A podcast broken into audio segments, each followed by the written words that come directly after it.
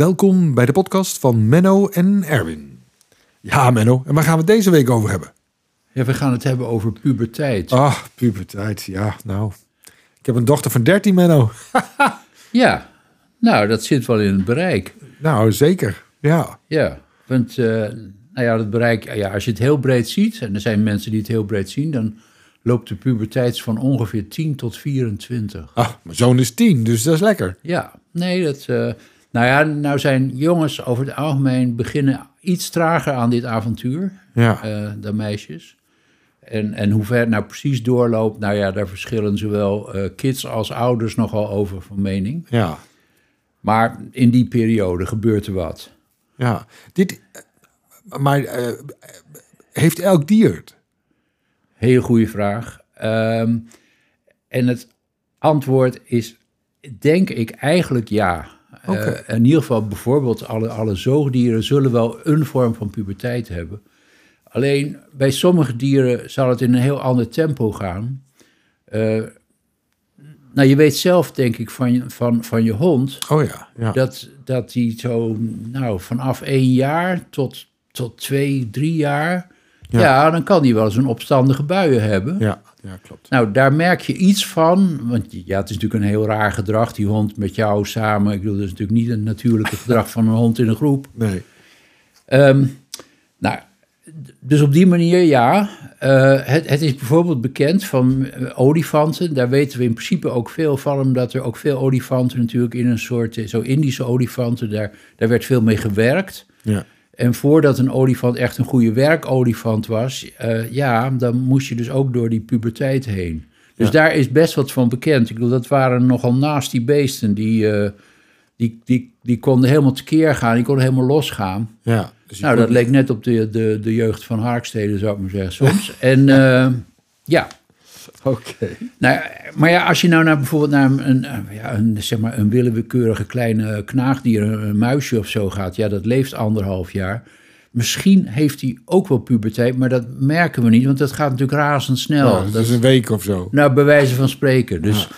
En ik geloof, de, de, ik heb nog ik heb niet heel precies nagekeken, maar ik denk dat er weinig publicaties zijn over puberteitsproblemen bij huismuizen. Nee. Um, ik kan me toch voorstellen dat iemand er wel naar gekeken heeft.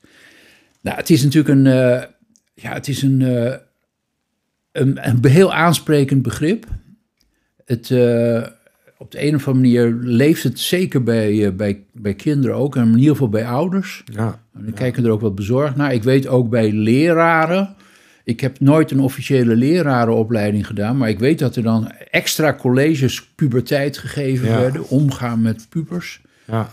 Nou ja, um, wat, wat er natuurlijk, ja, wat er in essentie aan de hand is, en daar komt het woord ook vandaan. Het komt eigenlijk van pubis, pubees, uh, schaambeen en de schaamdelen. En puberen betekent dan eigenlijk, eigenlijk heel letterlijk genomen de, de, de schaambeenbeharing die opkomt. Ja. Nou ja, het is zo plastisch als het is. Het gaat natuurlijk eigenlijk om biologisch de kern van de zaak is natuurlijk geslachtsrijp uh, Ja. worden, zowel voor, voor vrouwen als voor mannen. Ja, en, en het grappige is uh, voor de Neerlandici onder ons, je kan puberteit letterlijk op twee manieren schrijven. De officiële schrijfwijze is P-U-B-E-R en dan T-E-I-T. Dan heb je het over het fenomeen van puberen. Maar je kan het ook over de puberteit hebben, namelijk de tijd waarin gepubert wordt. En dan schrijf je het gewoon met een lange ei. Ja. Nou, kortom, het is, uh, het is, dat is wel grappig, dus je kan met korte en lange ei schrijven. Ja. De, de algemene schrijfwijze is natuurlijk met een korte ei. Nou, wat het eigenlijk uh, representeert is toch een heel belangrijk uh, uh, stadium in de hele ontwikkeling van, van dieren en van mens. namelijk, ja, er wordt ongelooflijk veel omgebouwd. Ja. vooral ook in de hersenen. Dat wordt een beetje onderschat, maar daar gebeurt een heleboel. Ja. Maar ook natuurlijk ja, in het hele lichaam. En het zijn niet alleen uh, de, de geslachtskenmerken, maar het, zijn, het is ook de lengte, het is de stem, het, het, het is heel veel. Het is ongelooflijk eigenlijk Ja. wat er in korte tijd dan gebeurt. Precies. En nou, wat mij wel fascineert, eh, mij heeft die hele ontwikkeling altijd gefascineerd, maar dan eigenlijk over het hele, hele leven gezien. Hè? Dus je, nou, je, je voor de geboorte. Eh, we gaan eh, hopelijk binnenkort eens een aflevering over eieren maken en hoe dat dan precies zit met eh, levenbarend en eierleggend. Nou, een leuk onderwerp. Maar na die geboorte, nou dan is het natuurlijk een heel spannende tijd. Dat is ook een heel kwetsbare tijd. Ja. En dan, ja, gaat het dan in één keer door? Nou, bij mensen dus duidelijk niet. Dan is er toch een soort rustige groeifase. Ja, en dan komt ineens die puberteit erin. Ja. En dan is dus weer een, een nieuwe fase aangebroken. En, en hoe wordt dat nou geregeld? Nou, daar, daar ben ik ook een klein beetje ingedoken, maar ook wat teleurgesteld. We, de essentie daarvan, helaas moet ik het weer bekennen, weten we toch nog niet helemaal. Nee, oké. Het, eh, het is duidelijk, er, komen, eh, er worden allemaal genen aangezet die, die zorgen dat de hormoonproductie aangejaagd wordt. En eh, dat is bij zowel bij mannen als bij vrouwen zijn dat hormonen die, die we specifiek vrouwelijk en mannelijk noemen, maar dat is eigenlijk een beetje onzin. Zo, ook vrouwen produceren testosteron en androgenen. En oestradiol wordt ook door, door mannen gemaakt, alhoewel natuurlijk veel meer door vrouwen. Ja. Dus die twee gro- hormoongroepen zijn heel belangrijk.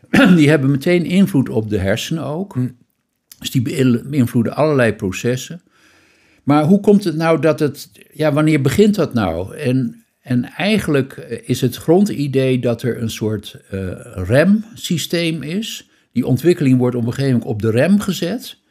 En daar spelen eh, een, een verschillende genen, waaronder tegenwoordig een heel beroemde groep van genen zijn de KISS-genen. Die schrijven, dat is een afkorting die te ingewikkeld is om te bespreken, maar je schrijft het letterlijk K-I-S-S, KISS-genen, KISS 1 en KISS 2. Die, daar, daar waarschijnlijk zit daar een rem op en die wordt op een gegeven moment dan weer losgelaten. Nou, bij meisjes is dat een jaar of tien. Ja, ja. Dus, En bij, bij, bij dus jongens vanaf de het- geboorte zit er een rem op. Ja. En dan worden ze 10, 11 of 12. en dan, en dan gaat het weer, en dan gaat het weer verder, de ontwikkeling. En dan gaat het ineens razendsnel. Ja, En eh, nou ja, dat, dat, en dat heeft natuurlijk ook. Daarom is het denk ik zo aansprekend voor veel mensen. Het, het gaat natuurlijk, het, uiteindelijk is het gericht op voortplanting. Ja. Maar het gaat ook om zoiets als territoriaal gedrag, je, je eigen plek vinden. je gaat je afzetten tegen je ouders. En precies, dat is nummer drie, losmaken van je ouders. Op welke manier dan ook. En soms gebeurt het keihard. Ja. En eh, soms eh, gaat dat in alle vriendschap en nog wat, maar, maar ondertussen. Nou ja, kortom, daar, daar is dus heel veel ook ja, sociaal-psychologisch aan de hand. Hm. Nou, dat weten we natuurlijk bijvoorbeeld eh, van insecten niet. Hè? Of, dat, eh, of die nou ouder-kind-conflicten hebben. en bij insecten is het, proces nog veel ingewikkelder. Die hebben vaak metamorfoses. Hè? Dus dan, dan ga je van een, Van, van een rups naar van, een van een larve naar een tussenstadium en dan ga je naar, naar, naar een imago, het volwassen stadium. Nou, zo, zo drastisch doen wij het niet. We bouwen het niet helemaal om. Nee. Maar als je naar heel veel functies kijkt, gebeurt er toch wel heel erg veel. Eh, dus ook in, in, in, in, in eh, kenniseigenschappen, in cognitie, in, in, in dingen begrijpen. Ja, want, want ik heb nou mijn bijbel over de puberteit, Menno. Dat zal jou niet heel erg aanspreken misschien, maar dat is eh Kluun. Want die heeft namelijk een boek geschreven, Help, ik heb een puber. Ja, ja, ja. En ik heb er smakelijk om gelachen. Nou, dat is ten eerste al, al fijn als je in deze fase zit met kinderen die gaan puberen.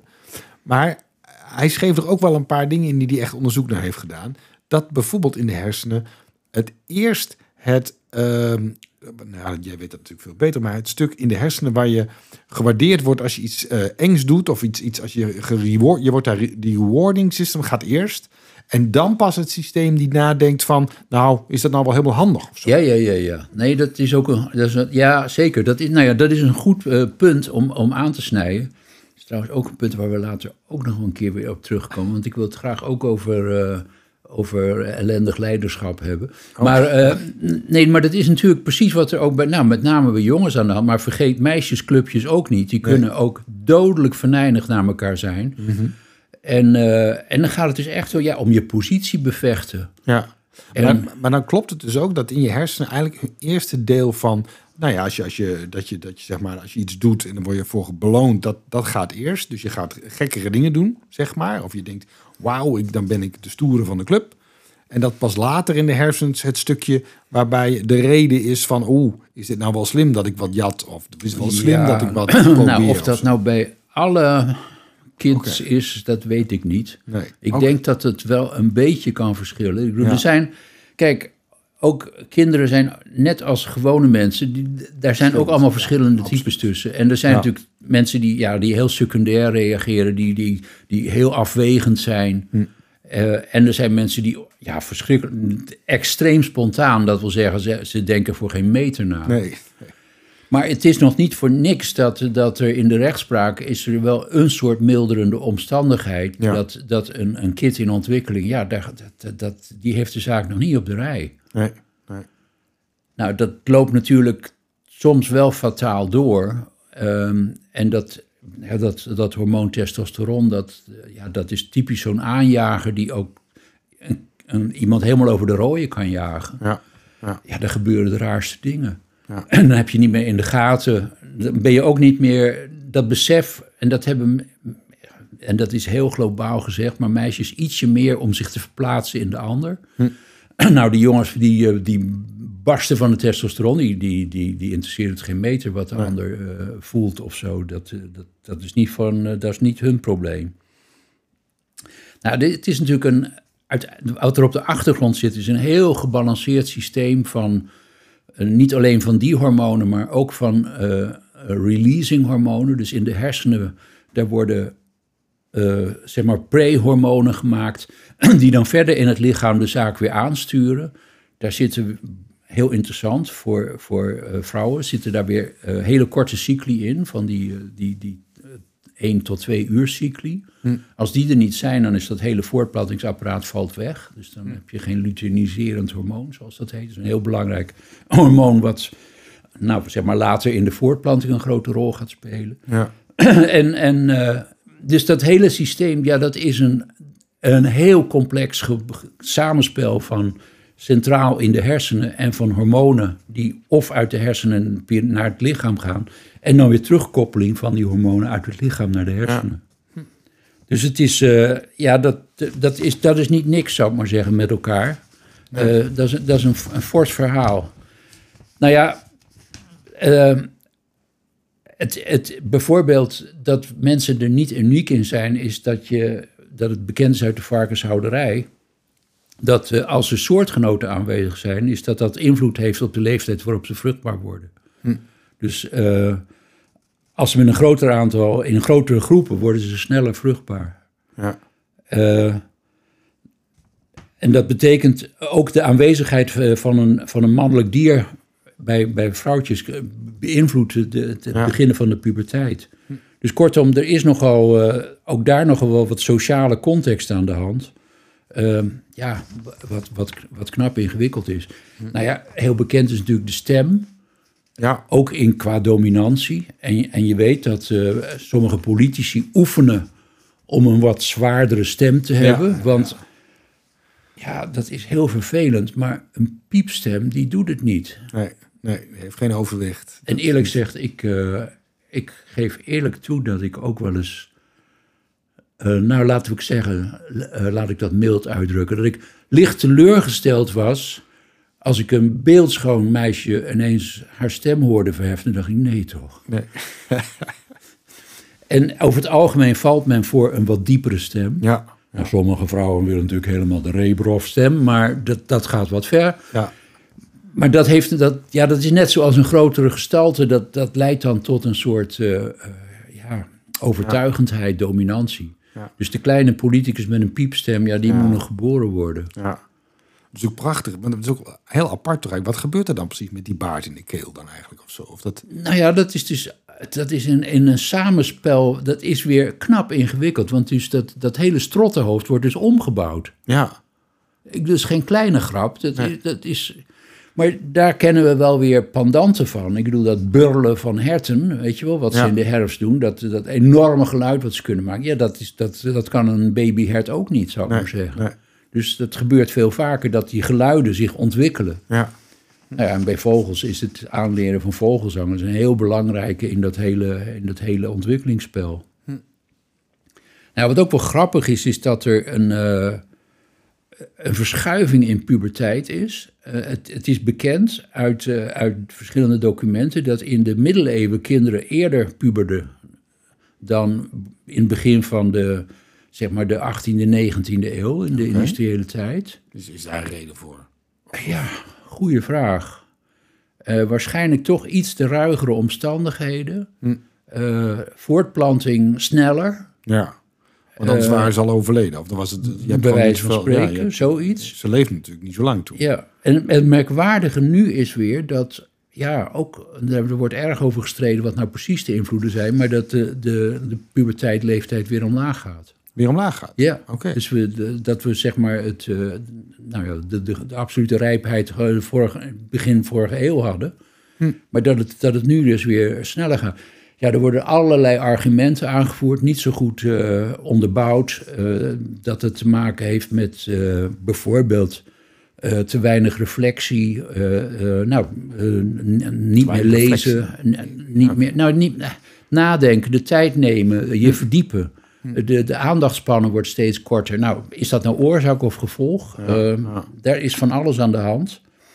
En ja, dat is natuurlijk toch wel, wel interessant om te kijken hoe, hoe, hoe zo'n fenomeen dan sociaal ook verder uit gaat pakken. Ja. Ja, er er zijn natuurlijk nog veel meer stadia in die ontwikkeling. Hè? Die ontogenie van het leven, dat is een, eh, een, een eigenlijk heel fascinerend iets. Hoe, hoe zo'n heel, al die verschillende levensstadia elkaar afwisselen. Met, met natuurlijk de, de veroudering aan het eind. Ook als een heel bijzondere fase. En dat geldt natuurlijk zeker voor mensen, omdat eh, ja, de voortplanting eh, houdt natuurlijk op een gegeven moment op Ja. bij vrouwen. En bij mannen wordt het ook iets minder relevant. Ja. Charlie Chaplin's daar gelaten. En, eh, ja, en waarom leven we dan nog door? Wij worden wel erg oud eigenlijk voor ons, eh, voor, voor ons bestaan. Heeft weinig nut meer eigenlijk. Nou ja, qua voortplanting, als je dat vergelijkt met andere primaten, die planten zich echt nog actief voort tot, tot op hogere leeftijd. Hm. Nou ja, er zijn allerlei verklaringen voor, eh, zeg maar, eh, het grootoudersyndroom, eh, noem maar op. Hm. Ja, het is toch wel heel interessant. Wanneer houdt het op? We zouden het ook nog eens een keer over veroudering kunnen hebben, alhoewel dat wel een heel raar onderwerp is.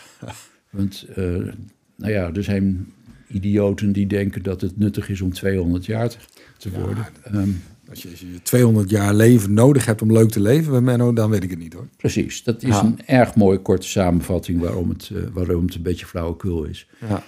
Maar ja, het, eh, die, die, nou ja, je hebt natuurlijk de midlife crisis van mannen, hè, vooral. Ja, tuurlijk. Ja, dat, maar dat is dus denk ik eerder frustratie over wat ze allemaal niet bereikt hadden en van hun pa of zichzelf wel moesten bereiken. Ja. Eh, geen idee. In feite is die puberteit natuurlijk toch wel een heel vlammend iets. Ik weet niet of jij, hoe, heb jij een pubercrisis gehad?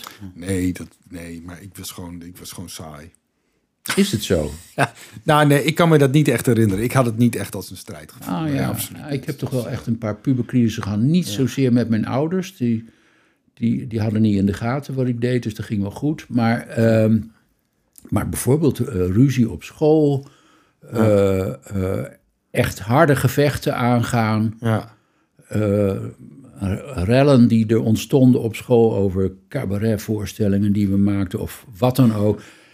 Dat mijn vader dan heel paniekerig begon in te grijpen. Pas op, er staat alweer een stuk in de krant. Dit kan zo niet verder. nee, nee. Ja, dat, dat was voor mij wel. Dat, dat, nou ja, dat, dat gaf wel wat weer. Van eh, daar is wat aan de hand. Ja, oké. Nee, dat, nee die, voor de, die voorbeelden heb ik niet. Maar ja, Menno, ik wil natuurlijk heel graag tips. Want ik heb die kinderen die nu juist in de puberteit zitten. Ja. En heb dan je daar je, nou grote tips voor? nou wil je de, de wijze adviezen. Ja, heel graag.